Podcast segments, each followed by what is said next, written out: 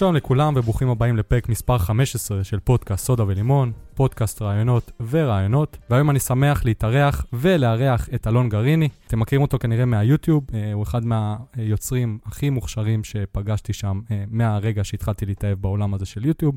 אה, חיפשתי בעולמות של היצירה של תכנים בווידאו, יוצרים בעברית, והוא אחד מהאנשים הראשונים שיצא לי לראות. אז שלום אלון, מה קורה? שלום, שלום. אה, תודה לך על האירוח, מקום מדהים. באמת, אני חושב שלא ראיתי הרבה סטודיואים כאלה בארץ. ברוך הבא. כן, כיף. תענוג שאתה פה. כן, אז אני תמיד אוהב להתחיל את הפרקים שלי בהיכרות קצרה, אני אשמח שתספר עליך קצת uh, מי אתה, שאנשים ידעו. אז uh, כמו שאמרת, אני אלון גריני, אני יוצר תוכן ליוטיוב בעברית, uh, ספציפית רק ליוטיוב. כאילו, יש לי עוד, אני קיים ברשתות האחרות, אבל זה לא כזה מעניין אותי כמו שיוטיוב זה חשוב. אה, הערוץ שלי מתעסק בטכנולוגיה, סקירות על טלפונים, מחשבים, ודברים מעולם הטכנולוגיה שהם שווה לדבר עליהם ומעניינים אותי ואת הקהל. מגניב. אנחנו נתחיל בשאלות. השאלה הראשונה זה בעצם איך הכל התחיל. זאת אומרת, איך הגעת למצב שהתחלת לעשות סרטוני יוטיוב? זה תהליך uh, ארוך ו... ו... של חיפוש. זה, זה בעצם הסוף של תה... תהליך מאוד ארוך של חיפוש. Uh, עבדתי בתור מפיק בתור, במשך הרבה מאוד שנים, בתור עבודה עיקרית. הייתי מפיק אומנים, ואני קורא לזה תומך יצירה. הייתי עוזר לאנשים אחרים לממש את היצירה שלהם, אם זה הופעות, אם זה אלבומים, אם זה כל, כל, כל מה שהם צריכים, קליפים וכו' וכו', אבל תמיד הייתי במקום הזה של לצלם ולערוך ולעשות פוטושופ לכל מיני דברים, וזה תמיד היה כזה לא בדיוק העבודה, היצירה, אבל ידעתי שזה תמיד עשה לי יותר טוב. אה, ואז אה, באיזשהו שלב רציתי להפסיק להיות תומך יצירה ולהיות יוצר בפני עצמי. אז התחלתי לחפש ויצאתי למסע כזה מאוד ארוך, שהיה כזה קצת גם טראומטי, לעזוב את העבודה, להתחיל לחפש מי אתה ומה אתה. ו... באיזה שנה זה היה? באיזה שנה? זה היה באזור... בוא נגיד שהמסע הזה, ברגע שעזבתי את העבודה, זה היה באזור 2011, 2012, ואז uh, כזה, זה היה זה היה כאילו, זה התחיל מאיזה טראומה כזאת, שהגוף שלי אמר לי, אוקיי, צריך, צריך לעשות שינוי, משהו לא קורה. ואז uh, הלכתי לטיפול, הלכתי לאיזה בן אדם כזה, התחלתי לחפור בעצמי ובמוח ולהבין, ואחת המסקנות היו זה שאני, שאני רוצה שיהיה לי מקום משלי ושתהיה לי יצירה משלי. Uh, ואז התחלתי כזה לח, לחפש מה אני אוהב לעשות, מה אני אוהב uh, לראות, מה עושה לי כיף. ומתוך כל הדברים האלה הגעתי למקום הזה של, אוקיי, יוטיוב זה הדבר שהיה מאוד חשוב בחיים שלי כבר הרבה מאוד שנים. כל מה שאני לומד, אני לומד דרך יוטיוב, הכל קרה משם. אה, ואז uh, התחלתי פשוט לעשות, פשוט uh, משהו גרה, כאילו ראיתי, אני חושב שיצא אייפון 7, אם אני לא טועה, ואמרתי, אוקיי, יאללה, אני אעשה סרטון ליוטיוב, אני כל הזמן רואה סרטונים כאלה באנגלית, אין כמעט סרטונים בעברית, היה, אבל לא, לא הכרתי אותם אז. ועשיתי סרטון על האייפון 7, וזה לא הצליח בכלל, ועשיתי סרטון על האייפון 7 מול נוט, נוט 7, וזה לא הלך בכלל, כי לא היה לי את המכשירים, סתם לקחתי כזה מההשקות וזה. וגם בתכלס לאלגוריתם של יוטיוב לוקח קצת זמן עד שהוא מזהה אותך. כן, המזל הוא שהתחלתי כאילו עם אייפון, ואני חושב שזה, אתה יודע, רוב הערוצים הגדולים בעולם, טכנולוגים, בנו את עצמם על גב האייפון. כן, לגמרי. זה ממש משהו שהביא את, ה, את ההצלחה ל, ל, להרבה מאוד ערוצים. אה, וגם הסרטון הזה, באופן יחסי לערוץ שהיה לו 40 רישומים, בסופו של דבר הגיע לאיזה 5,000 צפיות, שזה היה, היה די מדהים. אבל אחרי שלושה, שלושה סרטונים כאלה של טכנולוגיה, הבנתי שזה לא קורה בלי המכשירים. גם התגובות פתאום של אנשים, מה אתה עושה סרטון על uh, טלפון אם אין לך אותו? וזה כזה היה לי פתאום נורא כזה טראומטי, ואמרתי, אוקיי, זה עדיין לא מתאים. Uh, ואז נתקלתי ביוצר שנקרא קייסי נייסטאט, אם אתה מכיר. כמובן, עליו ש... גדלתי, בוא נגיד ככה. כן, זהו, שהוא כזה... גם, אתה יודע, כל ה vibe האמריקאי של לתת מוטיבציה הוא מאוד מאוד uh, חזק. Uh, זה הטריף אותי שהוא עושה וידאו כל יום, זה הגניב לי את המוח. אני חושב שהוא היה באמצע העונה הראשונה שלו, השנייה של, ה... של הכל יום, הראשונה. Uh, ואתה יודע, והתחלתי לראות שבן אדם עושה כל יום סרטון, כל יום סרטון, ואני בכל יום יכול לראות מה קורה בניו יורק, וכאילו, אתה יודע, וטיימלפסים, והכל כזה נורא יפה, ויש סיפור, התחלה, אמצע, סוף, הכל קורה. כן, הוא יוצר תוכן uh, מטורף. כן, ממש. אז, אז כאילו הדבר הראשון שעלה לי לראש זה אומר, אוקיי, אני, אולי אני גם אנסה לעשות סרטון כל יום. מה יכול להיות, כאילו? זה יכול להיות אחלה תרגיל. וזהו, ואז עשיתי ולוגים כאלה יומיים כל הזמן, זה היה... זה היה חמוד. התקבצה סביב זה איזו קבוצה של אנשים, אבל uh, באיזשהו שלב זה, זה די נמאס, כי זה גם משתלט לך על החיים אתה, כל הזמן, זה נורא קשה. Uh, וגם, uh, כאילו, החיים שלי, אני לא כזה בן אדם של לייפסטייל, החיים שלי לא כאלה מטורפים. כמה שעות היית מבז... מנצל ביום שלך על, uh, על הסרטונים האלה? אני חושב שזה היה... דבר ראשון, אתה מצלם כל היום. אז כל אלמנט שקורה לך במשך היום הופך להיות פוטנציאל לאיזשהו סיפור שאתה הולך לספר. כן, אני, אחד הדברים שהוא תמיד אומר זה שהוא כל הזמן עם מצלמה והוא כל הזמן חושב מה יכול להיות מעניין. כל הזמן. וזה כל הזמן לעצור ולצלם טיימלפסים, שזה דווקא היה מגניב, כי זה מכריח את עצמך רגע, אתה יודע, נסעת לתל אביב, אז זה לא שנסעת, עשית את הסידור שלך, חזרת לאוטו וחזרת הביתה. אתה צריך לצלם את זה. אז אתה צריך לראות ולהסתכל, לפתוח את העיניים ולחפש איזה שקיעה יפה, איזה עננים יפים שזזים, איזה רחוב מגניב, כאילו. אה, אז זה היה מאוד נחמד, אבל באיזשהו שלב זה כאילו הרגיש לי שאני, שאני כאילו משעמם את עצמי. וזה עשיתי הרבה, עשיתי איזה 200 ומשהו ימים, כאילו. וואו. כן. וכאילו אני לא קייסי נייסטאט, ואני לא איזשהו כוכב רשת, זה גם לא השאיפה שלי, אבל מבחינת תרגול זה היה מדהים. כי למדתי איך יוטיוב עובד, אה, תרגלתי עריכה כמו שאתה יודע, ידעתי לערוך לפני זה, ערכתי קליפים וסרטונים וכל מיני דברים כאלה, אבל לא ערכתי 256 סרטונים במשך 200 ומשהו ימים. אה, במשך, בוא נגיד, שנה. אז ההתמקצעות הייתה מעולה, גם בצילום וגם בעריכה, וגם בהבנה של איך רשת חברתית עובדת. מה עובד יותר טוב, מה עובד פחות טוב, איך לתקשר עם הקהל, מה, אתה יודע, כל הדברים האלה.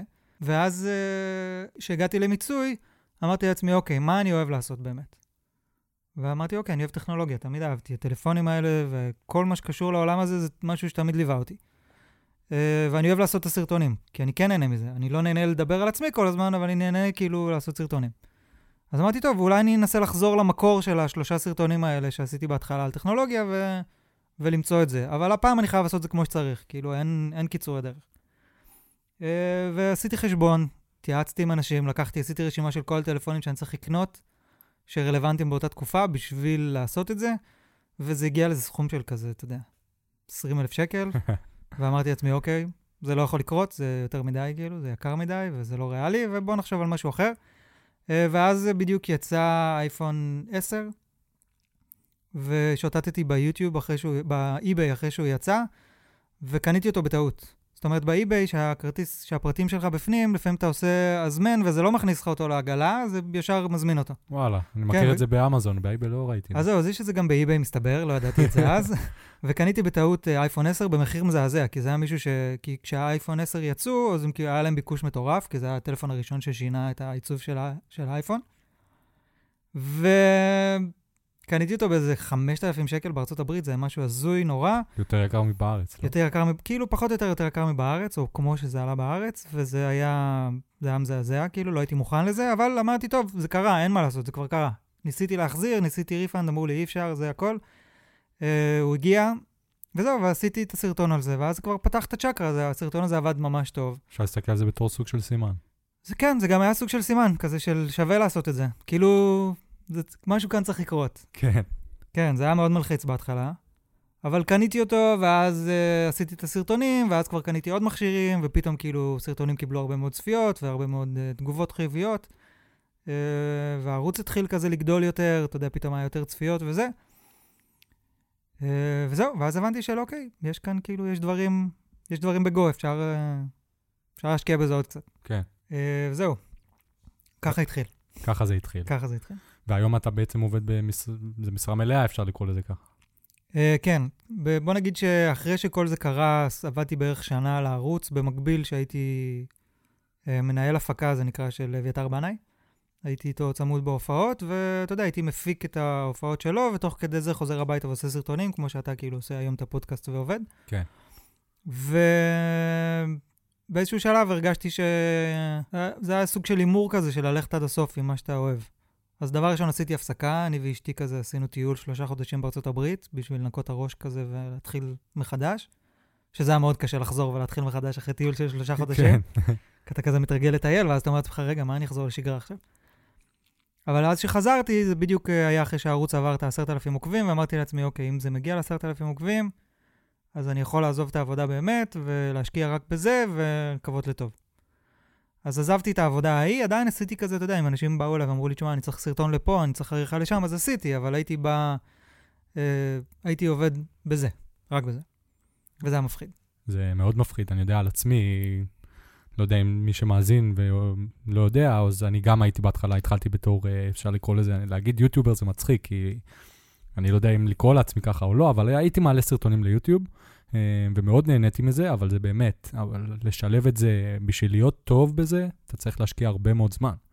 ובשביל uh, להיות, להשקיע הרבה מאוד זמן, לשלב את זה יחד עם פול טיים ג'וב במקום אחר, זה מאוד מאוד מאוד קשה, עד נראה לי עד גבול הבלתי אפשרי. זאת אומרת, אני לא נראה לי שאפילו היוטיוברים הכי גדולים היום, אם היה להם עוד עבודה, נראה לי הם לא היו מצליחים להגיע לאיפה שהם היום. אה, וזה מאוד מאוד קשה, אז כל פעם שאני רואה את ההתקדמות שלך ב... ביוטיוב זה, זה מטורף, והצעד הזה שעשית זה באמת, במיוחד בישראל, זאת אומרת, בארצות הברית אני יכול להבין שיש אנשים שבאים ועוזבים הכל, כי השפה האנגלית היא שפה שהיא הרבה יותר נגישה ויש הרבה יותר קהל, אז זה גם מישהו שיש לו אה, כמה, כמה מאות אלפי עוקבים, הוא כבר אה, מסודר, בוא נגיד ככה, אה, ופה בארץ זה, זה, זה לא ככה. לא, בארץ זה הרבה יותר קשה, בעיקר בטכנולוגיה. כאילו, יוטיוב בארץ הוא עוד בתהליך התבגרות. כן. זאת אומרת, בשנים הראשונות של יוטיוב בישראל, יוטיוב הוא ערוץ הילדים החדש. והתוכן הוא בהתאם, רוב התוכן הישראלי, כאילו זה לא שבעולם זה לא ככה, בעולם יש המון תוכן שמוכוון לילדים, ו... אבל בארץ זה ממש כאילו רק זה. וכל שאר הדברים זה נישות. ואני החלטתי לקחת את ה... ברגע שהבנתי שיש פוטנציאל, אז באמת אמרתי, אוקיי, אני אשקיע בערוץ הזה שיש לו 15-20 אלף עוקבים, אני לא יודע מה, כמו שאנשים משקיעים למי שיש לו מיליון עוקבים בארצות הברית. נביא איזשהו סטנדרט לכאן ונראה מה יהיה. אבל זה מאוד קשה, כי זאת אומרת, אתה צריך להשקיע כסף וזמן ולוותר על הרבה מאוד דברים, לוותר על משכורת קבועה בעבודה וכל מיני דברים כאלה, והסיכון הוא שיכול להיות שזה לא ילך, ואז הלכה לך שנה של כסף ועבודה. וזה מאוד מאוד מלחיץ, וספציפית בתחום הזה של טכנולוגיה, שדיברנו על זה קודם, ש... אנשים בארץ יודעים אנגלית ורואים הרבה מאוד תוכן באנגלית, ואם עלה סרטון עכשיו של ה-MKBHD, לא בהכרח צריך לראות סרטון של אלון גרעיני. כי אנחנו הבנו, ראינו את הסרטון, הוא יצא סביר להניח לפני, והוא ברמה סופר מטורפת, ואתה מבין ממנו כמעט את כל מה שאתה צריך להבין. אז uh, התחרות, אני, אתה יודע, אני לא, אני לא אוהב להגיד תחרות ביוטיוב, כי אני לא מרגיש שיש, אני מרגיש שזה בדיוק ההפך. פה ב... בארץ גם להגיד תחרות זה...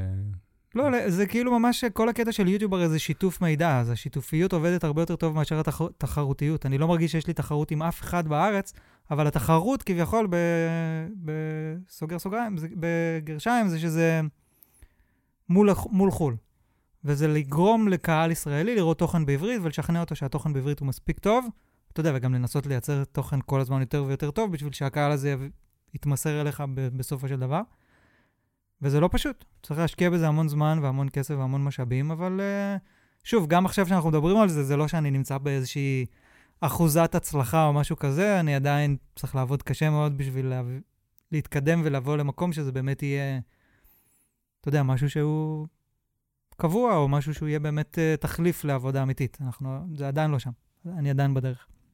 אתה, השאלה שמאוד עניינה אותי זה עם התחרות שיש אה, מול ארה"ב, איך אתה מצליח לשמור על החדשנות? כי בכל זאת, כשאני מסתכל על הסרטונים שלך לעומת MKBHD, שאפשר לומר שיש הרבה מאוד uh, השראה, uh, אין ספק, אבל זה עדיין, כשאני מסתכל על זה, אני לא מרגיש שאני רואה משהו שכבר ראיתי. Uh, כן, זה, אתה יודע, אתה צריך תמיד לאתגר את עצמך, בעיקר ש... אתה יודע, שאתה עושה הרבה מאוד סקירות על טלפונים, והרבה מאוד סקירות, אתה יודע, סקירה וסקירה וסקירה, בסופו של דבר... זה תמיד מפרט, מצלמה, סוללה, עיצוב, אתה תמיד, תמיד חוזר לאותם דברים כל הזמן. ואתה צריך להיות מאוד נאמן לעצמך ומאוד אמיתי עם המכשירים שאתה בודק, ו- ולראות שאתה לא נמצא על איזה פסגה לא קשורה של בגלל שאתה כל היום מחליף טלפונים. זה, זה תהליך לא פשוט, אבל אני גם חושב שבאופן יחסי, אני, אתה יודע, עוד יש לי הרבה מה לחדש. גם בנראות וגם בעשייה וגם בצילום וגם בעריכה וגם בטקסט. אז uh, זה מה שיפה, שתמיד יש לאן לגדול. אז uh, אתה צריך בעצם, אתה יודע, לגדול בתור יוצר, לגדול בתור בן אדם, כל הזמן להגיד, אוקיי, כל הדברים שעשיתי זה טוב, זה עבד טוב, זה עבד טוב, זה אהבתי, זה היה פחות, ואז מתוך זה להסיק את המסקנות וכאילו לשדרג ולשדרג. זה לא פשוט, וזה הרבה מבוסס על השראה. ולפעמים ההשראה היא, היא נכנסת עם הטיימינג, שזה הדבר השני שאני עושה בשביל להישאר on top. זה להיות בטרנד. זאת אומרת, אה, אם יצא אייפון 11, אז כמה שיותר מהר לעשות סרטון על אייפון 11, גם אם זה אמר השנה שנסעתי לארה"ב ועשיתי את זה שם. וכי... כן, אני חושב שהעלית את זה אפילו באותו יום כמו כל הגדולים, כמו מארצות הברית. עשית, כן, ניסיתי לעשות את זה כמו שעושים בחו"ל, שב-20 בספטמבר הגיע האייפון ל... אה, לחנויות. לח... לחנויות ולאנשים שהזמינו בהזמנה מוקדמת, וב-21 לספטמבר הסרטון עלה. כמו שעושים, אתה יודע, לא אלה שמקבלים את זה מאפל לסקירה, אלא כמו שעושים את זה כל הבלוגרים שיושבים בבית. וזה הראה לי באופן חד משמעי שזה עובד יותר טוב. זאת אומרת, יוטיוב עובד על, על טרנד, וטרנד זה, בהתחלה טרנד היה לי מילה גסה כזה, אתה יודע, כי אתה ביוטיוב ישראל זה כזה vibe של teenagers, uh, וכולם אומרים כזה, מה, איך היה המושג פעם? רוכב טרנדים. אז זה היה כזה, הרגיש לי כאילו משהו לא טוב, אבל אז מה שהבנתי, שטרנד בתכלס זה מיליוני אנשים בכל העולם מקלידים אייפון במקלדת ביוטיוב באותו זמן. יוטיוב אומרים, אוקיי, כולם מקלידים אייפון, זה מה שמעניין עכשיו, זה הנושאים שאני מעלה למעלה, כי זה מה שמעניין אותם. אז זה אומר שאם אתה מעלה את הסרטון על האייפון ברגע שכולם מקליקים, אז הסרטון מגיע לכמות מדהימה של צפיות, וכמובן, מלווה בלעשות אותו טוב, זה עובד יותר טוב, וזה זה כאילו האתגר, בתכלס, כן, להיות זה, בזמן. אין ספק, זה החלק... אה, שהוא... בעיקר בארץ גם. כן, Mhm. דברים מגיעים לפה מאוד מאוחר. מאוד זה... מאוחר. אז איך אתה עושה את זה? אמ, אז ל... ל... עם אייפונים אני נוסע לארה"ב, כי אייפונים, כאילו אפל לא, לא התייחסו אליי בשנים הקרובות, אני מתאר לעצמי, אז אני לא יכול לבנות עליהם. סמסונג מאוד מאוד השתפרו, והם מביאים את הטלפונים מאוד מאוד מהר, אז זה טוב. נכון, אז... אני גם מרגיש את זה. כן, זה ממש, אה, זה די מדהים, אני חושב שיש להם, יש כאילו, סמסונג, בשונה מהרבה מאוד יבואנים, יש להם נציגות שלהם ישראלית בארץ, כאילו, ממש סמסונג ישראל. והטלפונים שלהם מגיעים ממש מהר, והיח"צ עובד טוב, ו... וזה עובד. ברגע שהטלפון מגיע, אתה עושה עליו סרטון, ואז זה רלוונטי, וגם הוא מגיע למאות אלפי, כמעט מאות אלפי צפיות, וזה, וזה עובד טוב. את השאר צריך, כאילו, אתה יודע, זה קטע, זה, זה לא שצריך לחנך את היבואנים או משהו כזה.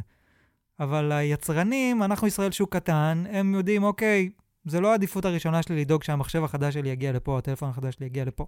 אני קודם צריך שהוא יהיה בסין, אני צריך שהוא יהיה בארצות הברית, אני צריך שהוא יהיה באירופה. אחר כך אנחנו נדבר על, uh, על המדינה הקטנה הזאת שקונים בו כמה אלפי יחידות. אין מה לעשות עם זה כל כך. אתה יודע, רק לקוות ש... לקוות לטוב. כן, זה, אבל זה תהליך שמשתפר לאט-לאט, ואני חושב שגם הכניסה של uh, אמזון לארץ, uh, גם לאט-לאט, זה, זה משהו שעוזר בצורה מאוד מאוד רצינית. Uh, כן, בהחלט. שאלה שאני מאוד עניין אותי לשאול, זה בגלל שאתה באמת uh, עושה דברים מאוד לפי הטרנד, יש לך סוג של אבל רשימה של דברים שאתה רוצה לעשות, וכל פעם שיש לך קצת זמן אתה עושה את זה, או שזה כן, פשוט רגע, באותו אני, רגע? אני רגע רוצה לקום להראות לך משהו, אני יודע שאי אפשר לראות את זה בפודקאסט, אבל... אוקיי, אז שנייה, אני אתאר לכם שהוא קם, הוא הולך uh, לאיזה מקום. הוא מראה לי לוח כרגע. הופה. זה נראה קצת יותר מרשים. כן, לגמרי. אז יש פה לוח אה, מחיק עם מלא מלא דברים ש...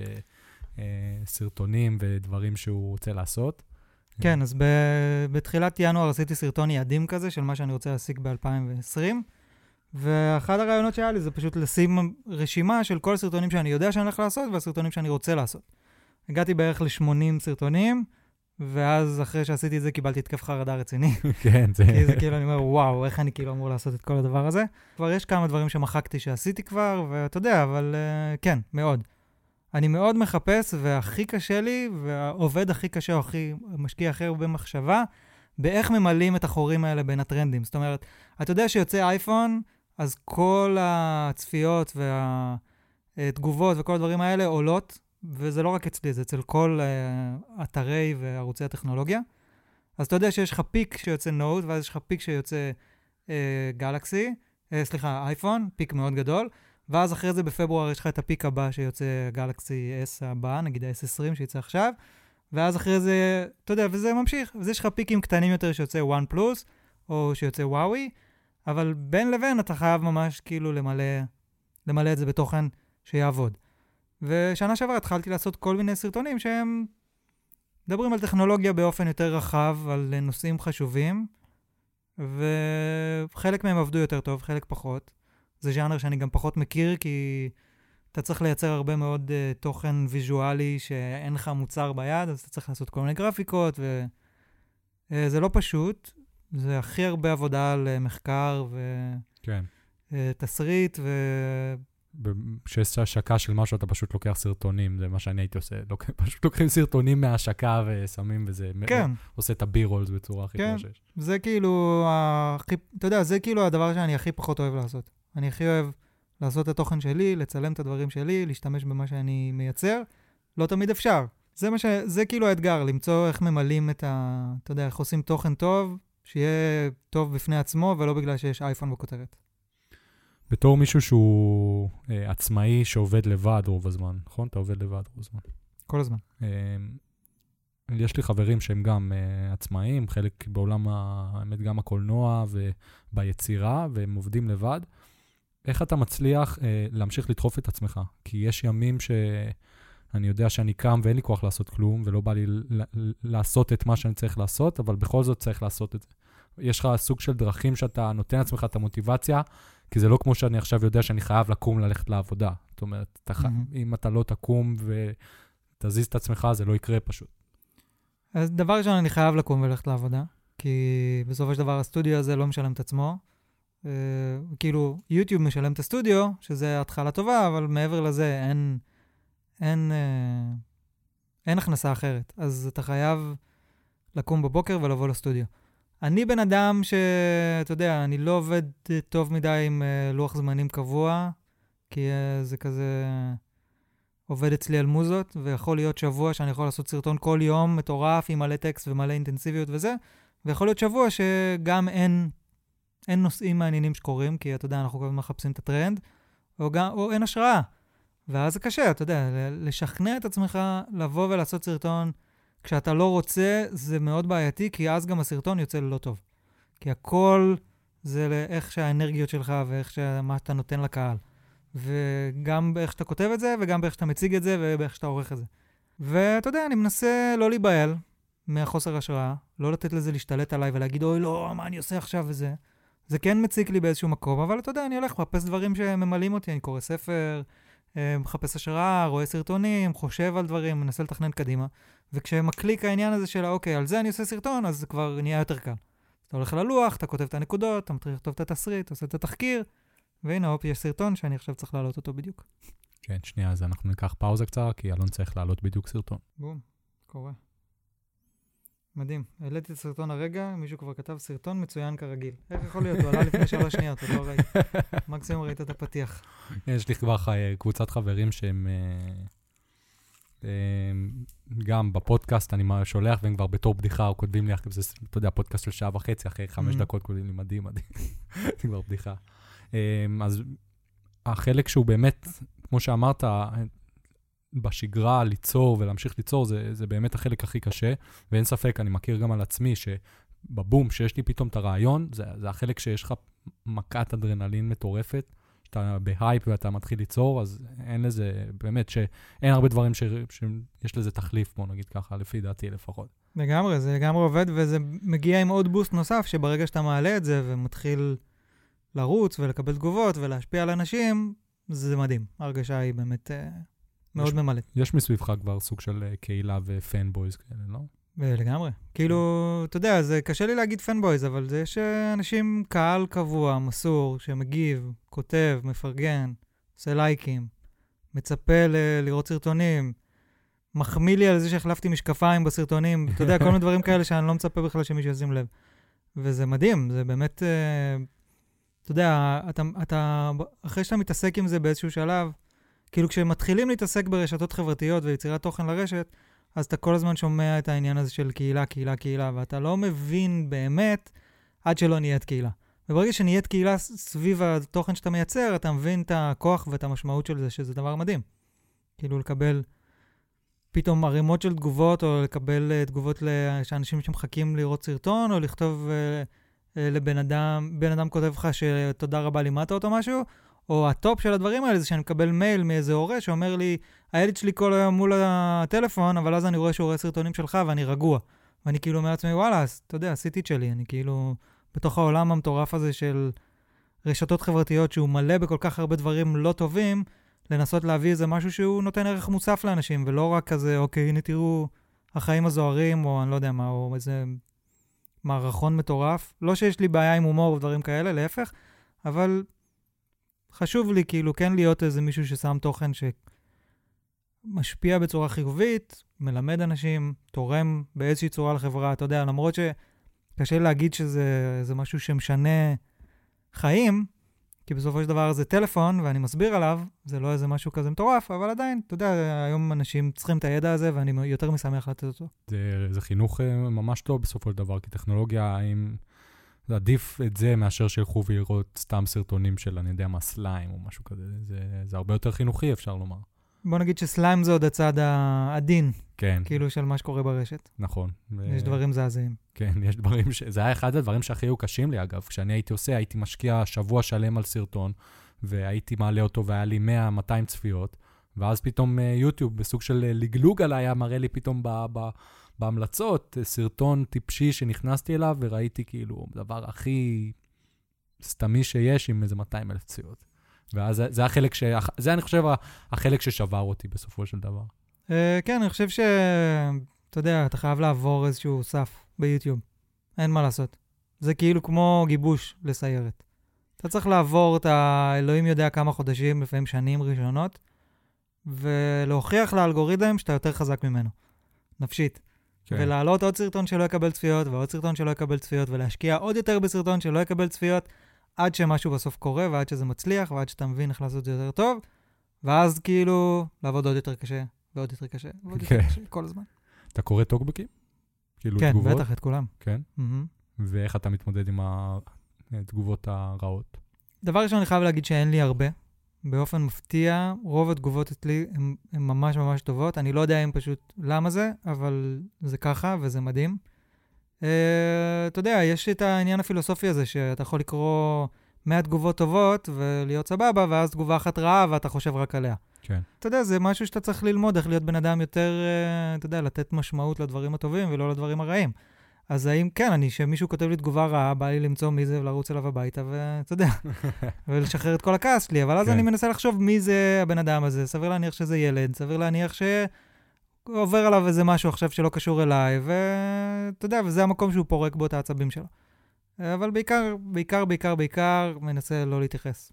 וכאילו לשחרר את זה ולהגיד שזה לא באמת קשור אליי. כן, אני גם לקחתי את זה, בגלל שאני הייתי מאוד קטן כשהייתי מעלה, אז לקחתי את זה למקום דווקא חיובי, שוואלה, גם זה שיש לך מישהו, הבן אדם הראשון שכתב עליי תגובה שלילית, הייתי חמש דקות מבואס, ואז אמרתי, וואלה, מגניב, גם זה צריך. כן, יש אה, אמרה כזאת שאומרת שאתה חייב שיהיה או תגובות אה, טובות או תגובות רעות, רק שלא יהיו תגובות פושרות. זה הכי חשוב. כי אם לא עשית לאף אחד כלום, אז זה לא טוב. אם עצבנת מישהו, זה סבבה, אם אה, הלהבת מישהו, זה בסדר, אבל אם השארת אותו פושר, זה בעיה. יש סוג של uh, תכנים שאתה מאוד אוהב לעשות, אבל בגלל המספרים, שאתה רואה שהם לא עובדים כמו שצריך, אז אתה פחות עושה? כן, לגמרי. מה? Uh, כל התחום של צילום. זה משהו שהוא מאוד יקר לליבי, ויש בו המון על מה לדבר, ציוד צילום, טכניקות של צילום, טכניקות של עריכה, טטוריאלס, כל הדברים האלה. אבל uh, זה לא רק שזה בגלל המספרים שאני לא עושה את זה, זה פשוט עניין של מיקוד. ב- באיזשהו שלב הבנתי שצריך למקד את הערוץ על דבר אחד וללכת איתו עד הסוף. אתה יודע, אולי יום אחד כן יהיה, כן יהיה לי זמן לפתוח עוד ערוץ שיתעסק בנושאים אחרים שאני רוצה לדבר עליהם, אבל כרגע אני חושב שלהתמקד על דבר אחד וללכת איתו עד הסוף זה משהו שיש לו ערך, שהוא מביא תוצאות הרבה יותר טובות בסופו של דבר. אני מסכים לגמרי, וזה חלק אה, מאוד חשוב, הבלנס הזה בין מה שאתה אוהב לעשות לבין המספרים, זה החלק שצריך לדעת לאזן אותו ממש. אה, לגמרי, גם בתוך הטכנולוגיה, אתה יודע, אני יכול לעשות סרטונים על מלא מלא מוצרים שהם מגניבים, אבל, אה, אבל לבזבז עכשיו שלושה ארבעה ימים על סרטון שלא יעלה את העשרת אלפים צפיות, זה לא שווה לך. זה לא טוב לערוץ וזה לא טוב לך. עדיף שת... עדיף אפילו שתקרא ספר בזמן הזה ותנקה את הראש, מאשר לעשות סרטון שלא יעבוד. Uh, האמת שלפני כמה ימים היה לי פגישה עם איזה יוטיובר גדול כזה, התייעצות על איך לשפר ומה לעשות. והוא אמר איזה גישה... כן. ישראלי. והוא אמר איזה משהו מעניין כזה, שהוא אמר, one, אתה עושה uh, one for me, two for you. כאילו, אתה עושה שני סרטונים בשביל הקהל, שאתה יודע שהם עובדים, ואז, פעם, ואז אתה עושה סרטון בשבילך, שזה שזה משהו שנושא מעניין אותך ושאתה רוצה לדבר עליו. זה לא חייב להיות one ו-two, אבל אתה יודע, זה, זה כן איזושהי גישה מעניינת. Uh, אמרתי קודם, ברגע שאתה, כאילו ברגע שעשית סרטון שפתאום מגיע ל-100 אלף צפיות, אז אתה אומר לעצמך, אוקיי, זה המקום שאני רוצה להיות בו כל הזמן. וזה מקום מאוד בעייתי להיות בו, כי אין הרבה תכנים בטכנולוגיה בעברית שיביאו לך 100 אלף צפיות. זה מאבק של בירור וחיפוש ומחקר וניסיונות וסרטונים עם 50 אלף צפיות בדרך וסרטונים עם 20 אלף צפיות בדרך. שזה מצחיק להגיד שסרטון עם 20 אלף צפיות זה כישלון, אבל אתה יודע, אתה כאילו מנסה להיות במין מדד כזה שתמיד עולה. כן. אז uh, ברגע שיש לך מעל 50 אלף עוקבים, אתה מצווה שכל סרטון, לפחות כל העוקבים שלך יראו אותו. כן, עם, ה, עם התהילה אז גם הלחץ עולה. Uh, כן, אני לא הייתי קורא לזה תהילה, אבל זה איזשהו... Uh, ההצלחה, עם, ההצלחה שלה. ההצלחה שלה, כן. כן. אני לא, אתה יודע, אני גם לא בן אדם של תהילה, ולא, זה, לא, זה ממש לא הסיבה שאני נמצא במקום הזה. כאילו, אה, אני כן אוהב את ההכרה, וכן אוהב שאנשים אוהבים את מה שאני עושה, ואומרים לי שזה טוב, זה עושה לי הרגשה טובה בפנים, אין מה לעשות. אבל uh, אני ממש לא מחפש להיות uh, כוכב רשת שכזה, יאה. כן, זה לא הכיוון. זה החלק שגם לי מאוד קשה. נגיד, אמרתי לך לפני שהתחלנו, אני מאוד אוהב uh, לעשות את התוכן ולדבר עם אנשים, אבל אחרי זה החלק, נגיד, הדבר שאני לא מצליח עד עכשיו לעשות, זה לבוא עכשיו ולעשות איתך איזה, הנה, תראו, אני פה עם אלון, ותראו איזה כיף לנו, ולהעלות את זה לאינסטגרם. כאילו, זה, זה חלק שלי מאוד קשה. אני מצד אחד מאוד אוהב את הלעלות ושאנשים ייתנו פידבק, אבל החשיפה הזאת היא גם לי מאוד קשה. Uh, כן, זה, אני חושב שזה לא... העניין של לחשוף כבר, אין לי, אין לי יותר מדי בעיה איתו, כי זה התרגול הזה שדיברנו עליו קודם, שעשיתי, שחשפתי הכל כבר, אז אין לי בעיה, אתה יודע, אין לי בעיה באמת לדבר, אבל יש איזה מוד כזה ש... שאני חושב שזה בעצם ההבדל בין יוצר תוכן לבין כוכב רשת. כי מה שלי חשוב זה ליצור תוכן ממש איכותי לערוץ שלי, ושיהיה לו את האימפקט הכי גדול שיכול להיות. כן. ואנשים שומעים יוטיוב, אז כאילו, אוקיי, מה הם מכירים מיוטיוב? זה הכל כוכבי רשת או אינסטגרם ודברים כאלה. זה פער מטורף. לא שאני מזלזל ביצירת תוכן לאינסטגרם, ויש אנשים שעושים סטורי כל היום, מבחינתי זה הרבה יותר קשה מאשר לעשות סרטון ליוטיוב. כן. Uh, אתה יודע, כל הזמן לחשוף את עצמך, כל הזמן להגיד, אני פה, אני שם, הלכתי לפה, עשיתי לשם, שים את כל הדברים האלה, זה מאוד קשה, ויש אנשים שעושים את זה כל הזמן. Uh, אני אישית פחות מתחבר לזה, זה מרגיש לי כזה קצת uh, פחות, ובגלל זה גם האינסטגרם שלי הוא לא כמו היוטיוב שלי. ובגלל זה אני גם נורא אוהב את יוטיוב, כי יוטיוב מבחינתי זה safe place הרבה יותר uh, uh, לתוכן. כי כשבן אדם מקליק על סרטון שלי ומבלה איתי 4 דקות מתוך ה-7-10 דקות שעשיתי, זה אני יודע שכאילו יש שם איזה חיבור עמוק כזה, וזה לא אפילו 10 שניות או 15 שניות שהוא ראה איזה סטורי או דילג עליו, או של מה אכלתי היום, או מה אני לובש היום, או איפה אני נמצא עכשיו. שבעיניי פחות, פשוט פחות מעניין. אתה מגדיר את עצמך כמכור לטכנולוגיה? אתה יכול להגדיר את זה על עצמך? אני יכול להגיד שאני מכור למסכים. זה הדבר שאני יודע שאני מכור אליו בזמן האחרון, ואני מנסה לעבוד על זה.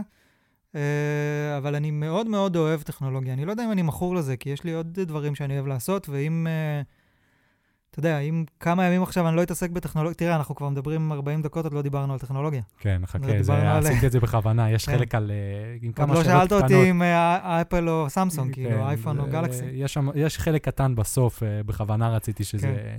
אבל אני מאוד מאוד אוהב את זה. זה עדיין, זה לא התמכרות, ואני שמח שזה לא התמכרות, כי אז זה שומר אותי במקום שפוי מול, מול זה. זאת אומרת, אני יודע שאם עכשיו אני לא עושה את זה, אז אני יכול להיות במקום אחר. למרות שזה בעייתי, כי כמו שאמרתי, אני מכור למסכים, זה אומר שאני המון זמן ביוטיוב, המון זמן בטוויטר, מחפש לראות מה קורה עכשיו, כי אני לא רוצה לפספס אם יצא איזה טלפון חדש, או שמועה חדשה, או מוצר חדש, או אם זה עכשיו CES, וזה כמה שיותר מהר לרכז את כל הדברים הכי מעניינים בשביל להעלות סרטון רלוונטי כמה שיותר מהר, יש כאן, איזה, יש כאן איזושהי התמכרות שהיא ערבוב של התמכרות למסכים ולידע רלוונטי. היית אומר אבל שזה משהו שלפעמים מפריע לך? כי נגיד, אני יודע שלי, הרגשתי לפעמים קצת צבוע כשהייתי מעלה סרטונים על טכנולוגיה, כי אני הרבה פעמים נמצא במצב של סוג של דיטוקס שאני מנסה להיות בו, של אה, לצמצם את הצריכה, להשתמש פחות. אה, יש הרבה מאוד דיבור על הנושא הזה של אה, להוריד את המינונים, ואפילו החברות עצמן שמות לך התראות פתאום שאתה משתמש ככה, ואתה שם ככה, ואולי כדאי שתצמצם.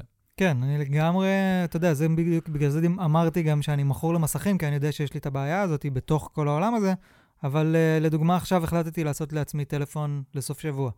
במקום שאני אלך עם הטלפון שלי, עם כל האפליקציות, והאינסטגרם, והיוטיוב, וכל ה... והטוויטר וזה, אז עשיתי לי טלפון שיש בו רק וואטסאפ. כי אני, אני עדיין רוצה לתקשר עם המשפחה, אבל אני לא רוצה אני רוצה להכריח את עצמי לא להסתכל ביוטיוב ולא להסתכל באינסטגרם ולצאת מהרשתות החברתיות ולנקות את הראש, לתת כאילו, להיות, פשוט להיות יותר נוכח עם המשפחה, עם אשתי, בבית, וזה עובד מעולה.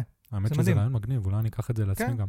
יש לי טלפון כזה, אייפון ישן, שהוא כזה, אני יושב בצד, אז הוצ... מחקתי ממנו ממש את כל האפליקציות, השארתי רק וואטסאפ וטלפון, כי חשוב להיות זמין, וזה עובד ממש טוב, כי אז אין לך את הגירוי. לפעמים אתה נכנס ליוטיוב ולא שם לב שאתה נכנס לסשן של שעה של בינג' של לצפות באיזה נושא שאתה יודע, עוד סרטון ועוד סרטון ועוד סרטון.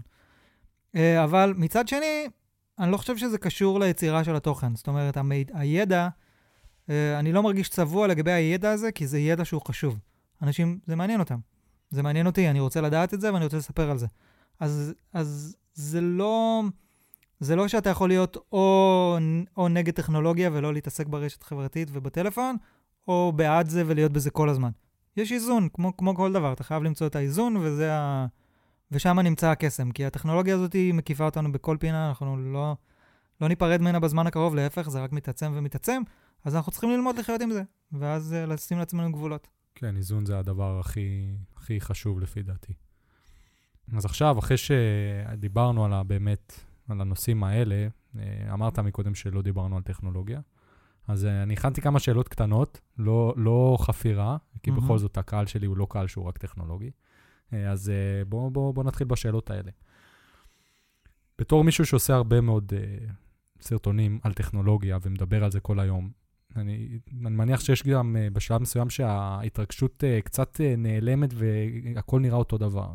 יש מוצר שבזמן האחרון ריגש אותך ממש, שאמרת, וואו, דבר ראשון, דבר ראשון, ההתרגשות, אה, יש שחיקה מאוד, כאילו, באיזשהו שלב אתה פחות מתלהב שאתה מקבל טלפון חדש, או לפתוח קופסה, וזה לא עושה לי את מה שזה עשה לי פעם, אבל זה עדיין מרגש אותי, ובעיקר, בעיקר מרגשת אותי טכנולוגיה טובה. אתה יודע, היום, היום הטכנולוגיה מאוד מאוד טובה. כל הטלפונים מאוד מאוד טובים.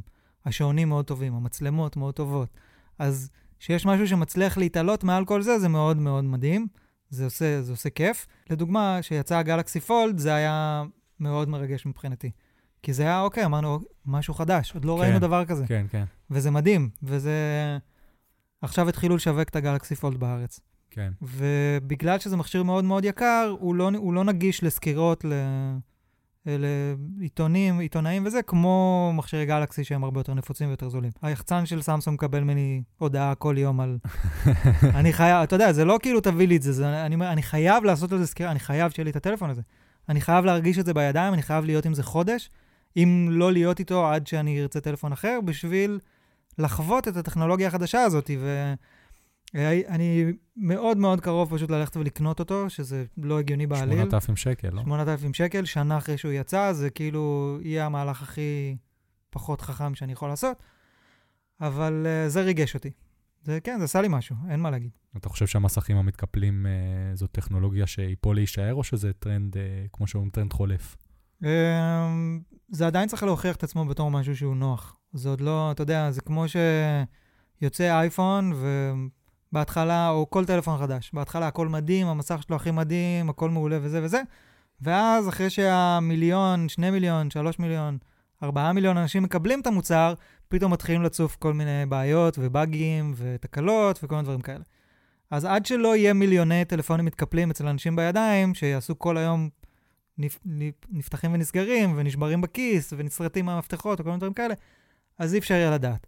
אבל אם אתה שואל אותי, זה משהו, איזה רוח מרעננת כזאת בתוך עולם שהוא נהיה עולם כזה של מפרטים. כן, בתכלס, מאז, אה, מאז שהכריזו על האייפון, אני חושב שלא היה כזאת אה, התרגשות ממשהו. נכון? או שאני שוכח משהו? לא, אני חושב שההתחלה של האייפון הייתה מאוד משמעותית, כי זה זה אישר לעולם שאפשר לעשות טלפון במסך מגע טוב, כאילו, ו- ולהיפטר מהמקלדת, שזה הדבר מדהים. אבל התהליך שקרה תוך כדי הזמן זה שאתה נפטר מהרבה מאוד מכשירים אחרים שהיית צריך, והיום אתה כבר לא צריך. אתה לא צריך אייפוד, אתה לא צריך מצלמת כיס, שזה מטורף. כאילו, מצלמות כיס זה היה אחד הדברים, אחת הקטגוריות הכי גדולות בצילום בעולם, היא פשוט נמחקה. נכון. היא לא קיימת יותר. נכון. בזכות זה שהטלפון שלנו יכול לצלם דברים מדהימים. מספיק טובים. היום כשאני הולך לטיול, אני לא לוקח מצלמה. בטיול, הטיול הראשון שעשיתי בתור אחרי צבא, היה לי תיק צילום על הגב עם שתי עדשות ומצלמה ענקית, וכל הזמן צילמתי, ואתה יודע, זה היה טיול, טיול צילום. היום כשאני נוסע לטיול, אני לוקח אייפון. נכון, אני זוכר שעשית לפני כמה זמן סרטון עם, אה, רק עם אה, אייפון, נכון? כן, זה גם חשוב לי פעם בכמה זמן לעשות, אה, אתה יודע, זה עובד הכי טוב עם אייפונים, זה יכול לעבוד גם טוב עם גלקסי, אבל להראות לאנשים שאתה יכול לייצר תוכן טוב, כן, רק של, עם טלפון. הווידאו של אייפונים עובד בצורה מעולה. כן, גם ב- בכלל, אתה יודע, אתה כן. יכול לצלם היום 4K ב-60 פריים בשנייה בטלפון, שכאילו, מי חשב על זה בכלל? כן, ו- והיום, אם אתה בלוגר של טיולים, או אם אתה רוצה לתעד את הטיול שלך, או אם אתה יוצר תוכן לאינסטגרם או כל דבר אחר, טלפון זה הכלי הכי חשוב שיכול להיות לך. ברור שאם אתה רוצה לקחת את זה כמה שלבים קדימה, אז אתה מתחיל כבר להיכנס לכל העולם של הציוד המקצועי. אבל הטלפון היום נותן לך כל כך הרבה כלים, זה פשוט מדהים. מדהים, מדהים. מבחינת uh, העתיד, מה נראה לך שהם uh, הדברים שאנחנו, לא יודע מה יהיה, אבל מה היית רוצה שיקרה בעתיד מבחינת uh, טכנולוגיה? יש לך איזה חלום שחשבת עליו ואתה אומר כזה, וואו, זה היה יכול להיות מטורף? אה, יש הרבה דברים. כאילו, דבר ראשון, יש העתיד הקרוב והעתיד הרחוק. כי אתה יודע, העתיד הקרוב זה... מה שהיה לפני שנה, זה כבר כאילו מיליון שנה כן, בטכנולוגיה. כן. אז בעתיד הקרוב הייתי רוצה פשוט טלפון עם בטריה שמחזיקה שבוע. כאילו, אני לא רוצה לרדוף אחרי הבטריה כל הזמן, זה משהו שמאוד מאוד חסר.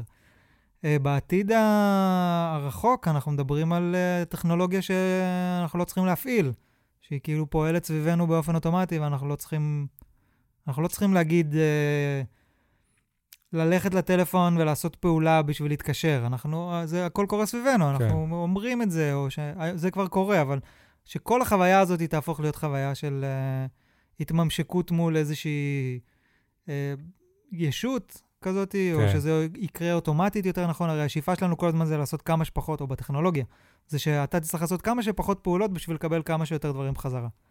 וזה, אתה יודע, העתיד הזה של, כמו ב... היה פעם איזה סרטון קונספט כזה של איזה מעצב שנראה לי משנקר או מבצלאל, שכזה עשה סרטון קונספט לעדשות שיושבות על העין, ואז הם עושות לך אוגמנטד ריאליטי על, כל על כל הדירה, ואתה נכנס לדירה שהיא ריקה, ואתה מעצב אותה בעין, כאילו, זאת אומרת, אתה שם לך פה על הקיר הזה טלוויזיה, ופה אתה שם תמונה, ופה אתה שם uh, את הפיד של פייסבוק, לא יודע מה. Uh, זה לגמרי החלום, אתה יודע, איזושהי יחידת עיבוד כזאת מטורפת, וזה יקרה. לא יודע בין כמה אני אהיה שזה יקרה, אבל זה יקרה. זה, זה משהו שמפחיד אותך גם? שינוי זה דבר מבורך, והוא צריך לקרות כל הזמן. כן. הדבר היחידי זה... שאתה יודע, זה... הדבר היחידי שמפחיד אותי זה בני אדם, מה הם יעשו עם זה, לא, ה... לא כאילו הטכנולוגיה עצמה. כן. אם uh, היית יכול להתחלף ליום אחד עם uh, סוג של uh, מישהו מוכר מעולם הטכנולוגיה, יכול להיות שהוא חי, יכול להיות שהוא מת. עם מי היית רוצה להתחלף?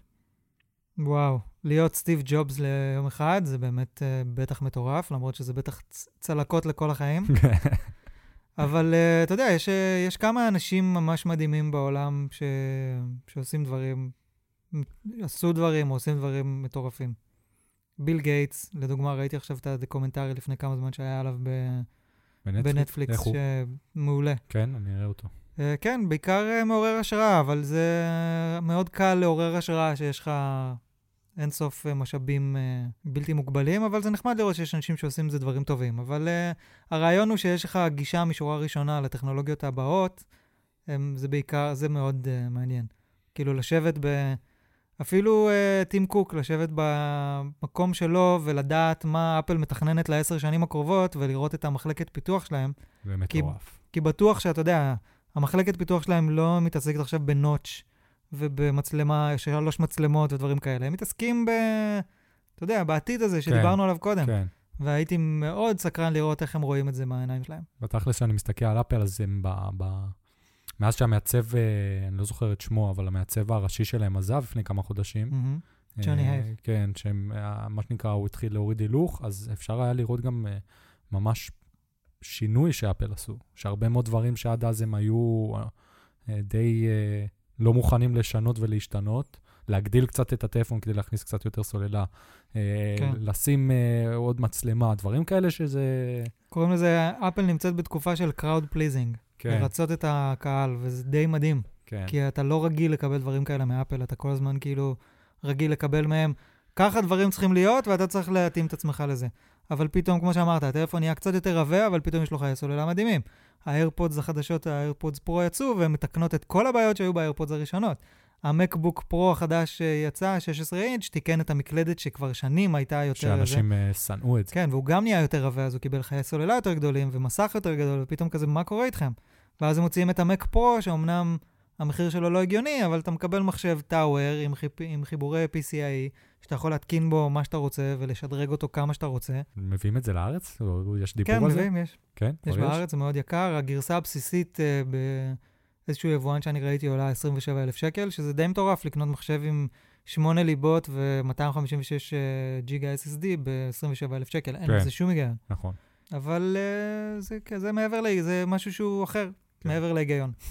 אני חושב שבגלל שזאת שאלה מיוחדת, ואני גם אוהב טכנולוגיה, אז אני רוצה לענות גם בעצמי, אני חושב שהבן אדם שאני הייתי רוצה להיות במקומו ליום אחד זה אילון מאסק.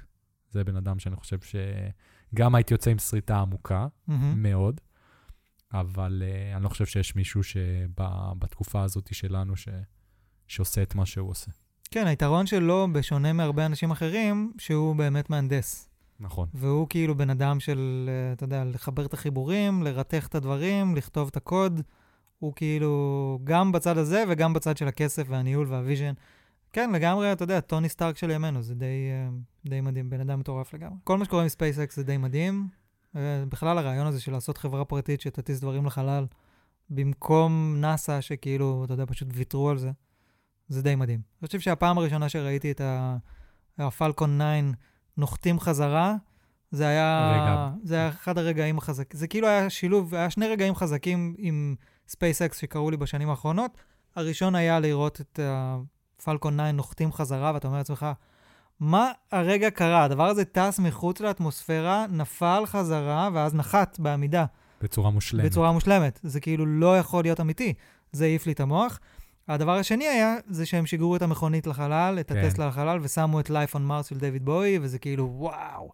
אתה אומר לעצמך, לא יכול להיות, הם כאילו עושים את זה בשביל לדפוק לגיקים את המוח. זה מה שהם עושים. כן. וזה רק היה... הם יכולים, רק כי הוא יכול, כי כן. הוא בתכלס זה שעולה על הרעיונות האלה. זה היה מדהים. זה היה ממש... אה, כן, אז אילון מאסק בהחלט. מה אתה. חושב על טסלה?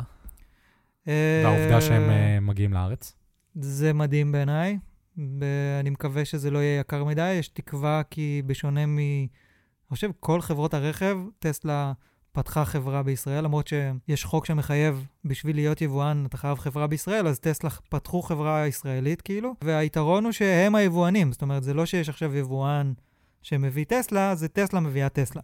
כן, וזה תמיד סימן טוב, כי ליבואנים תמיד יותר קשה.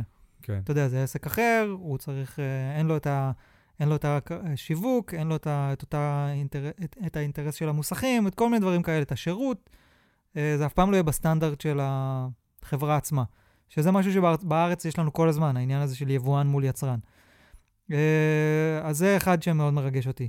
הדבר השני, אה, אתה יודע, טסלה זה משהו שאני חולם עליו כל הזמן. כל כן. הזמן אני רוצה אוטו חשמלי, אני כן. כל הזמן רוצה אוטו חשמלי. אני מרגיש שכאילו כל העניין של מכוניות חשמליות, זה דבר ראשון שטסלה הצליחה להעביר את ההבנה שזה לא חברת רכבים, זאת חברת טכנולוגיה.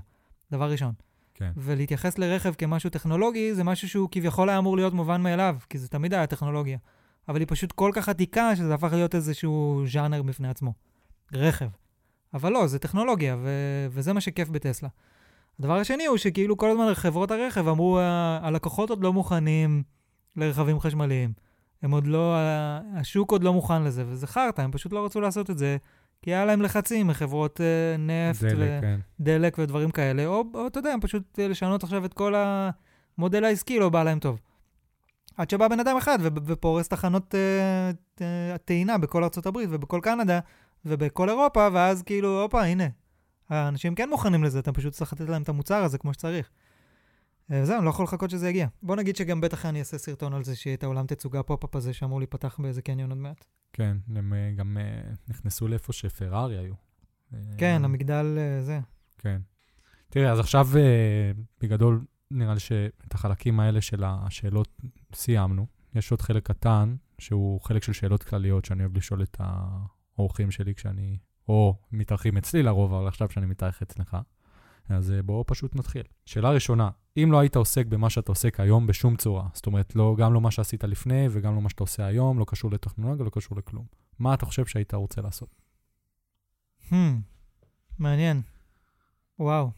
זה קטע שאתה שואל את זה, כי אני כאילו כל כך uh, שקוע במה שאני עושה עכשיו, כי uh, כל החיים חיפשתי ב... בטירוף את הדבר הזה שאני רוצה לעשות. כי לא הייתי מהילדים האלה ששאלו אותם מה אתה רוצה להיות שתהיה גדול, והוא אמר כאילו, אני רוצה להיות רופא. לא היה לי מושג, אני כאילו, היה לי מאוד קשה למצוא את השילוב הזה בין מה שאני טוב בו לבין מה שאני אוהב, לבין משהו שעובד. בוא נעבור לשאלה הבאה ואני אענה על זה עוד רגע. סבבה, הכל טוב. אמ, שאלה הבאה, איפה תהיה עוד 15 שנה? וואו, עוד 15 שנה. אני כאילו נמצא בתהליך של לבנות את הדבר הזה ש... שנקרא ערוץ יוטיוב, אבל ברור לי שזה לא מספיק. אה, זה לא מספיק בשביל לחיות מזה.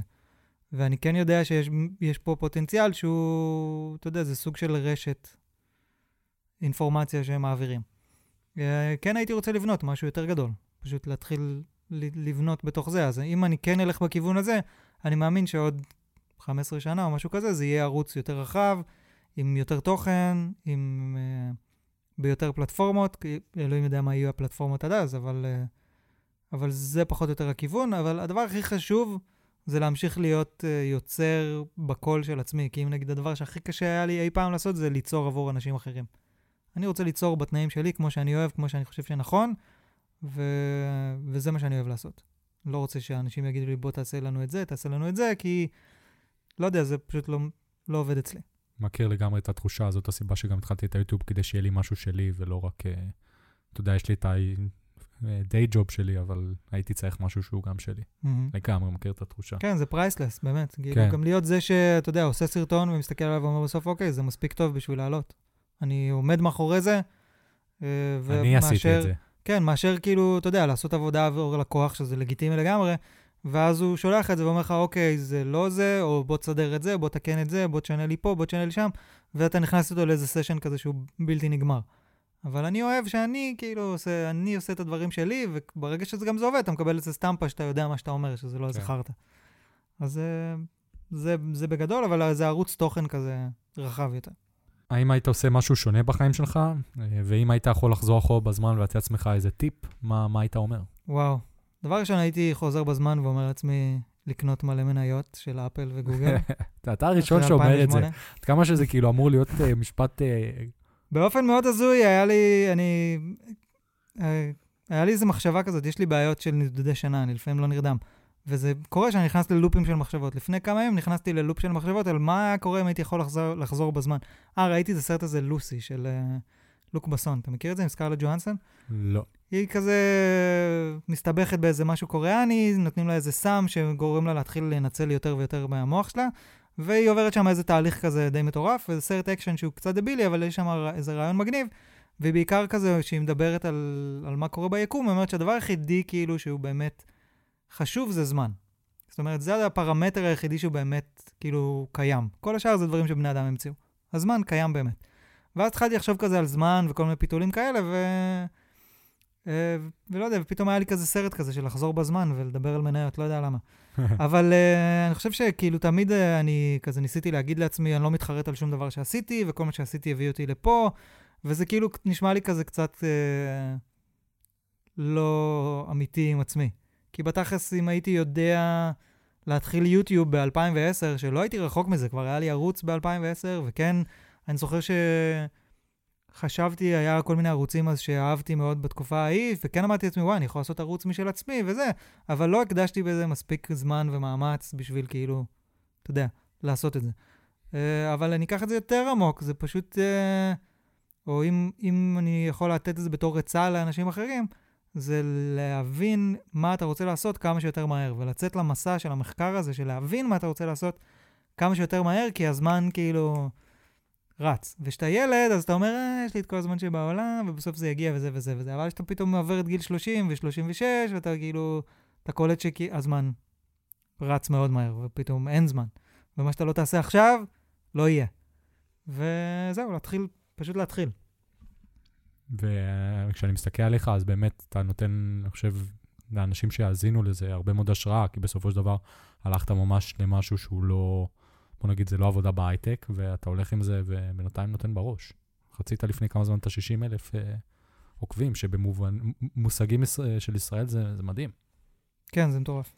כן. זה די מדהים. זה הדהים אותי, אני לא חשבתי שאני אגיע לשם, שמתי לי את זה בתור יעד, אבל אתה יודע, לא באמת היה לי אמונה שזה יכול לקרות, אבל זה יכול לקרות. כאילו, זה שילוב של עבודה קשה והתמדה, ובעיקר להילחם עם המוח. כאילו, אתה כל הזמן אומר לעצמך, זה לא מספיק טוב, אנשים לא יאהבו את זה, זה לא זה וזה, וכאילו להילחם, ונגד הדברים האלה, להמשיך ליצור, ולהעלות עוד סרטון, ועוד סרטון, ועוד סרטון. Uh, אתה יודע, אתמול ראיתי איזה, אתה יודע מי זאת ללה פודס? פונס? לא. זה אחת הכוכבות הכי גדולות כזה של אינסטגרם, וזה תוכן הכי נוראי שיכול להיות. ויש הרבה כעס עליה באינטרנט, בעיקר ביוטיוב, כי יוטיוב מאוד מאוד מקדמים אותה. והיא כאילו עושה, בוא נגיד, את ההגדרה המושלמת לתוכן לא ראוי לילדים, בידיעה שזה מקודם, שזה לילדים. לילדים. בדיוק עם כל הדברים האלה שהולכים להשתנות ביוטיוב, או השתנו כן, עכשיו הם ביוטיוב. משנים עכשיו את הנהלים אה, לגבי כן. תכנים כאלה. ו... וכאילו המסר שהיא כל הזמן מנסה להגיד זה כאילו לאנשים, אם אתם תפתרו את כל הבעיות שלכם בחיים על ידי זה שתהיו מוצלחים ב... ברשתות חברתיות ותצליחו וזה, וברגע שתעשו את זה, אז הכל, כל הבעיות שלכם ייפתרו. וכזה מנסה לתת לכולם את ההרגשה שהם יכולים להיות כוכבי רשת. וזה הדבר הכי שגוי שיכול להיות. לגמרי, זה נורא. אבל, אבל המקום שאני לוקח את זה, אני גם כאילו תמיד אומר, כן, אם תתמיד וזה, תצליח. זה, לא יודע, זה, לי זה עבד. התמדתי, היה לי מאוד מאוד קשה, אבל בסוף זה הצליח. אני לא יכול להבטיח שלכולם זה יצליח. כאילו, אם הם יעשו את מה שאני עשיתי, או יעברו את התהליך שלהם, אני לא יודע. אבל אם הם לא ינסו, אז הם גם, הם לא ידעו. ו... וזה יכול להיות ביצירת תוכן ליוטיוב, זה יכול להיות בתואר אקדמי, או זה יכול להיות בכל דבר אחר. אבל זה העניין הזה של לא לוותר על עצמך ולעשות ולעשות ולעשות ולעשות, ולהיכשל ולהיכשל ולהיכשל, וללמוד מהכישלונות האלה, ואז באיזשהו שלב כן תגיע איזושהי צמיחה. במקרה שלי זה יתבטא ברישומים ביוטיוב וצפיות, במקרים אחרים זה יכול להתגשם בעבודה יותר טובה, סיפוק יותר גדול ממה שאתה מקבל במה שאתה עושה בחיים, להיות יותר שלם עם עצמך, שזה דברים שהם, סביר להניח, הרבה הרבה יותר חשובים מאשר סאבים. וצפיות, לחלוטין, כן. לחלוטין. אני, עוד רגע שהיה לי מאוד קשה זה כש... שהבנתי שאני מבלה הרבה פחות זמן עם חברה שלי, מאשר מה שצריך להיות, כאילו. זה Mhm. גם היה לי סוג של כזה wake-up call כזה של, אוקיי, אתה רציני בזה ב-100% או לא? ואז שהבנתי ושאלתי את עצמי, אני, והבנתי שאני לא באמת 100% בתוך זה, ושזה הובי שהוא מאוד כיף לי, אבל חברה שלי, בוא נגיד, היא הרבה יותר חשובה לי, וכאילו, לא, כאילו, אני לא בא ואומר שנגיד, סליחה, זה כאילו, אתה לא אכפת לך מהמשפחה שלך או משהו, אבל כאילו, זה לא היה לי מספיק חשוב בשביל שאני אה, אוותר על הדברים האלה. יש דברים אבל אחרים, לדוגמה, הכושר שאני עושה, שזה אני מוכן, כאילו, חברה שלי יודעת שזה אצלי קדוש, ו... זאת אומרת, אני עשיתי עצמי את השיחה הזאת, ובאמת הבנתי מה חשוב לי ומה לא. כן, יש איזה עניין כזה שאתה יודע, אתה תמיד רוצה להגיע לפרודקטיביות יותר גבוהה. וצריך לעשות הקרבה, אין מה לעשות. כאילו, גם, בעיקר בשביל לעבור את השלב הראשון, שהוא הכי קשה. כן. אתה חייב להקריב. וההקרבה הזאת היא באה על חשבון משפחה, חברים, ואין מה לעשות, וזה, וזה קשה, אבל אתה לא, אתה לא תצליח מלשבת כל היום בבית אה, ולהיות עם המשפחה או חברים ולבלות. נכון, כאילו, נכון. זה לא, אין מה לעשות. נכון. ו... אבל ברגע שאתה כן מגיע לאיזשהו מקום, אז חשוב למצוא איזון. בשביל פשוט לא להשתגע, אתה יודע, בשביל... כן, זה... אבל עדיין אני רואה אנשים, נגיד עכשיו יש את הסדרה על קווין הארט ב... בנטפליקס, שהוא כאילו בן אדם משוגע לגמרי, כן. ולא הייתי לוקח ממנו דוגמה לשום דבר, אבל הוא סופר productive, אתה יודע, הוא עושה הכל בשביל להיות מיליארדר כמה שיותר מהר. וזה זה ראוי, עזוב את זה שכל שאר הדברים שהוא עושה הם די מזעזעים, כאילו, בתור בן אדם, כמו אבל... מה? אני, כי אני אה, פשוט מכיר אותו רק מהצד המצחיק. אז זהו, אני גם חשבתי שהוא קומיקאי מצחיק, ואז התחלתי לראות את הסדרה, והבנתי כאילו את ה vibe שלו, ואתה יודע, אין מה לעשות, הבן אדם הוא אף פעם לא יפה כמו, ה... כמו הסרט שלו, כן, או כן. כמו הסדרה שלו, או כמו הקומדיה שלו. אה, אבל אה, כן, יש שם איזה עניין עם פרודקטיביות, גם עם קייסי נייסטאט, נגיד, שזה... שאתה רואה את הבן אדם מעלה סרטונים כל יום, ברמה הכי גבוהה, בנוסף לזה יש לו ילדים, ויש לו עוד אה, חברת הייטק שהייתה בתקופה ההיא, וכל מיני דברים כאלה. ואתה אומר לעצמך, אין מצב שאני עושה מספיק דברים בשביל להצליח, אם הבן אדם הזה עושה את מה שהוא עושה ומצליח. אה, אז, אז כן צריך להיות איזשהו איזון, אבל כן גם צריך להיות איזשהו, איזשהו אטרף.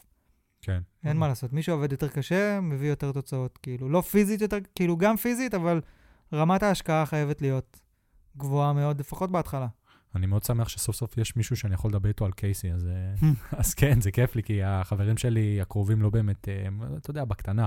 אבל אני, כשאני לוקח דוגמה ממנו, אז אני באמת רואה, זה מה שאמרת.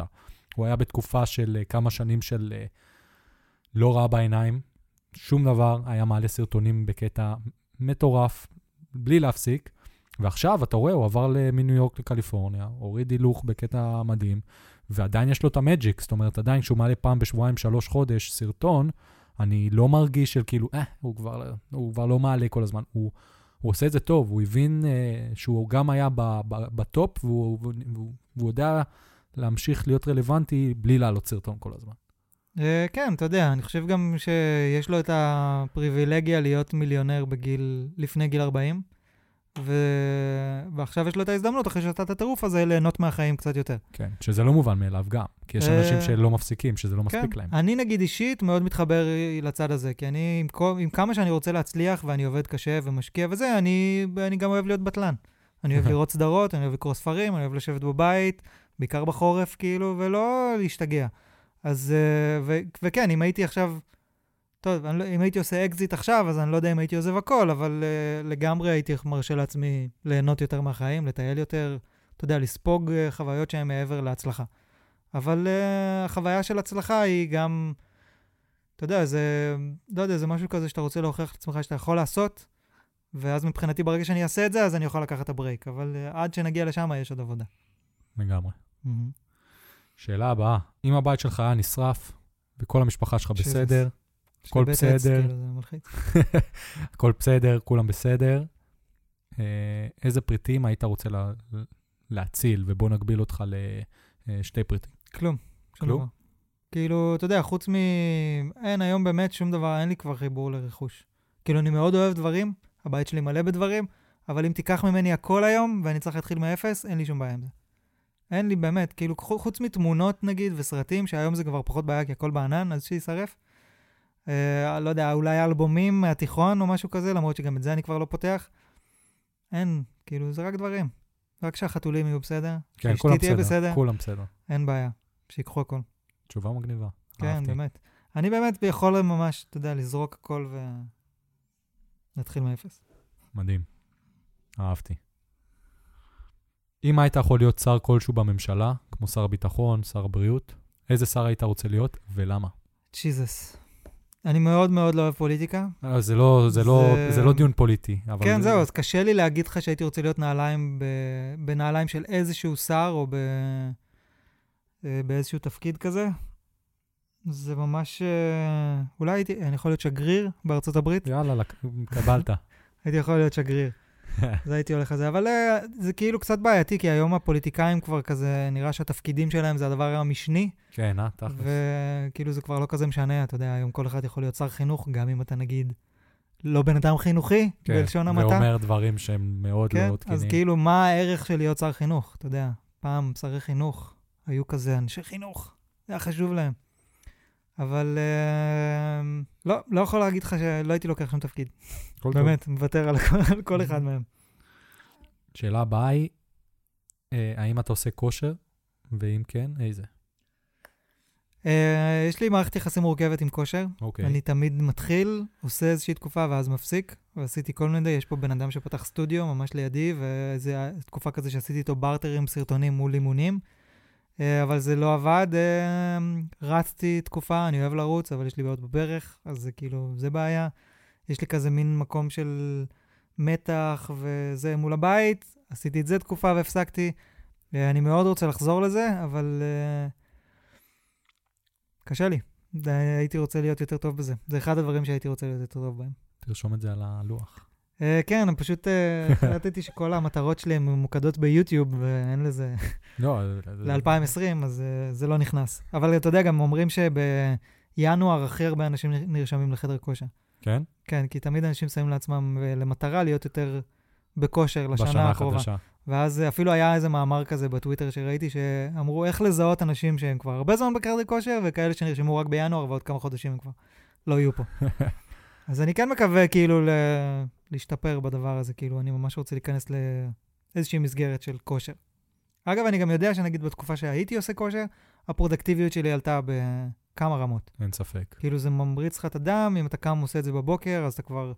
סמן אה, וי. כן, אחרי שעה שאתה ער, אתה הרבה יותר ערני מאשר שעה שאתה ער, שנגיד אה, שתית קפה ואכלת ארוחת בוקר, מאשר שיצאת לריצה או עשית איזה אימון. אה, כן, צריך להשתפר גם בזה. כן. נעשה איתך שיחה עוד אה, כמה זמן ונראה מה, אם עשית את זה או לא. כן, checkup. כן.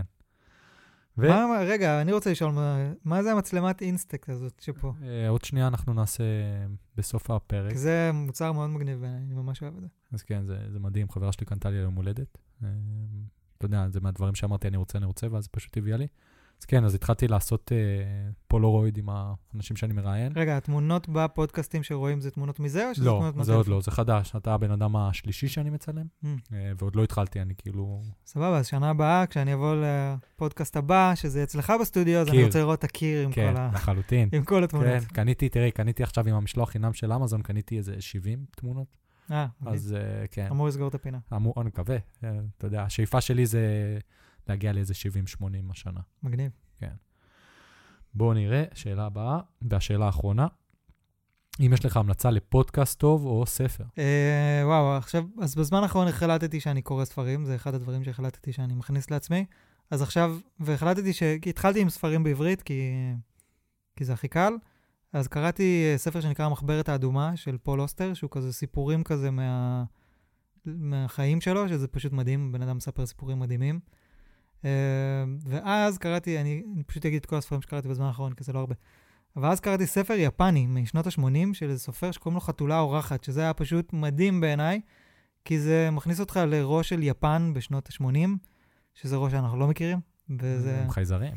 כן, יפנים הם כאילו אחרים לגמרי, וזה סיפור סופר מעניין שיש גם בו אה, גם מערכת יחסים וגם מערכת יחסים עם חתולים, ויש לנו הרבה חתולים בבית, אשתי מתה על חתולים, אז זה כאילו משהו כזה מאוד מעניין. אבל אה, עכשיו זה הכי קלישה, מה שאני אגיד, אני קורא עכשיו הארי פוטר באנגלית. חברה שזה- שלי גם התחילה. כן, שזה כאילו היה, התחיל מלשפר את הקריאה באנגלית, אני כאילו אחלה באנגלית, מדבר הכל טוב וזה, אבל קריאה, אתה יודע, מאמרים וזה, אין לי בעיה, אבל רציתי כאילו לקחת איזה שלב קדימה, ואני חושב שבחמישה או ארבעה חודשים האחרונים קראתי כבר כמעט שישה ספרים של הארי פוטר, אז אני עוד רגע מסיים את הסדרה, וזה פשוט מדהים. זה כאילו שזה באנגלית, זה אחר לגמרי, כן, לגמרי. וזה פשוט מעולה. אה, ופודקאסט, יש לך משהו שאתה ממליץ? אה, נכון, פודקאסטים התחלתי לשמוע לאחרונה, אני לא חזק בזה, אז אני לא שומע הרבה, אבל יש, אה, יש כמה פודקאסטים שאני אוהב. אחד זה Age- Age 3, Age 3, שזה אה, בחור אמריקאי ובחורה ישראלית, נכון, שיש להם... הילה, אה, נכון? הילה קליין, כן, כן. ואית'ן קליין, שזה פודקאסט כזה די מטורף. אה, יש את הפודקאסט של אה, MKBHD שהתחיל עכשיו, לפני כמה חודשים, שקוראים לו Waveform. שהוא גם אחלה. זה כזה בעיקר לפנבויז של MKBHD. אה, כן, לגמרי. ועכשיו התחלתי בעברית לשמוע אה, מתוך העולם הזה של עושים היסטוריה, את עושים טכנולוגיה, אה, שזה פודקאסט מאוד מעניין. כן? כן. על מה הם מדברים שם? אה, כאילו, אתה יודע, לא כמו שחשבתי שמדברים על טכנולוגיה, וזה מה שכיף לי, כאילו, פתאום לשמוע זווית שונה של פרופסור מאוד, אה, אתה יודע, מאוד בעניינים, שמביא כאילו נושאים שונים שמדברים על אה, פילוסופיה שקשורה לטכנולוגיה, הייתי אומר, באיזשהו מקום. עשית לי חשק. גם הייטק וגם... אה, כאילו, אתה יודע, אני, כשאני מדבר על טכנולוגיה, אז אני חושב, אוקיי, המצלמה הזאת, איך היא מצלמת? הטלפון הזה, אם הוא מספיק מהיר, הוא לא מספיק מהיר. אבל יש את המבט העוד יותר רחב, זה כאילו, מה הטכנולוגיה בחיים שלנו, מה ההיסטוריה של החברות האלה. היה לו סרטון מאוד, אה, אה, פודקאסט מאוד מעניין על המקימים של גוגל, ואיפה הם היום, ולמה הם עזבו, ומה זה, מה סונדר פצ'אי, מה, איפה הוא, מי, מי הוא. מאוד מאוד מעניין, ואחלה פודקאסט, באמת. עשית לי חשק. אני לגמרי אעשה עכשיו פולו ואתחיל להאזין. אה, וסודה ולימון, יפה. אחלה פודקאסט. תקשיבו לו. כן. טוב, אה, אלון, אה, תודה רבה לך. אה, שנייה לפני שאנחנו מסיימים, אני רוצה לתת לך את הבמה באמת להגיד לאנשים, אה, מי שעוד לא עוקב אחריך, איפה יכולים לעקוב, מה הם צריכים לעשות, מה אתה... אה, איפה אתה נמצא? בעיקר אה, ביוטיוב, זה המקום שהכי חשוב לי. אני באמת, אה, אני כאילו נמצא בטוויטר, בעת אלון גריני, ובאינסטגרם, שאינסטגרם זה פשוט, אני כבר לא יכול להיכנס לאפליקציה הזאת, היא מעייפת אותי. כן, היא קשה. אבל uh, בעיקר uh, חפשו אלון גריני ביוטיוב, תבואו, תמצאו שם בטוח. בעיקר אתם צריכים לקנות טלפון או משהו כזה, תמצאו, תמצאו את הפרטים על הטלפון שאתם צריכים, ואז אולי, לא יודע, אולי תמצאו עוד דברים שמעניינים אתכם. לחלוטין. אה, אז תודה רבה לך, גם אה, שהסכמת להיפגש וגם על האירוח פה בסטודיו הסופר מגניב שלך. תודה לך שבאת ותודה שהזמנת אותי להשתתף, זה כן. כבוד גדול עבורי. אה, יש לי רשימה, כשהתחלתי את הפודקאסט לפני כמה חודשים, של האנשים שרציתי לדבר איתם, אז אתה היית בין הראשונים שם. יאללה, אני מאחל לך, אני מאחל, מאחל לך הצלחה גדולה עם הפודקאסט הזה, מקווה שזה ילך מגניב. רחוק ושיהיה טוב. תודה רבה, ונהיה בקשר. יס. אז uh, חברים, תודה רבה לכם שהאזנתם לפרק מספר 15 של פודקאסט סודה ולימון, פודקאסט רעיונות ורעיונות. Uh, אני יאיר פישביין, הייתי כאן עם אלון גריני. Uh, אשמח שתעקבו uh, ברשתות uh, החברתיות וגם כמובן בספק פודקאסטים האהוב עליכם. אם אהבתם את מה ששמעתם, אני אשמח שגם תמליצו לחברים שלכם. וכמובן שאם אתם אנשים מעניינים בעצמכם, תשלחו לי הודעה ובואו נדבר על זה. אז עד הפעם הבאה, תודה שהאזנתם, יאללה ביי.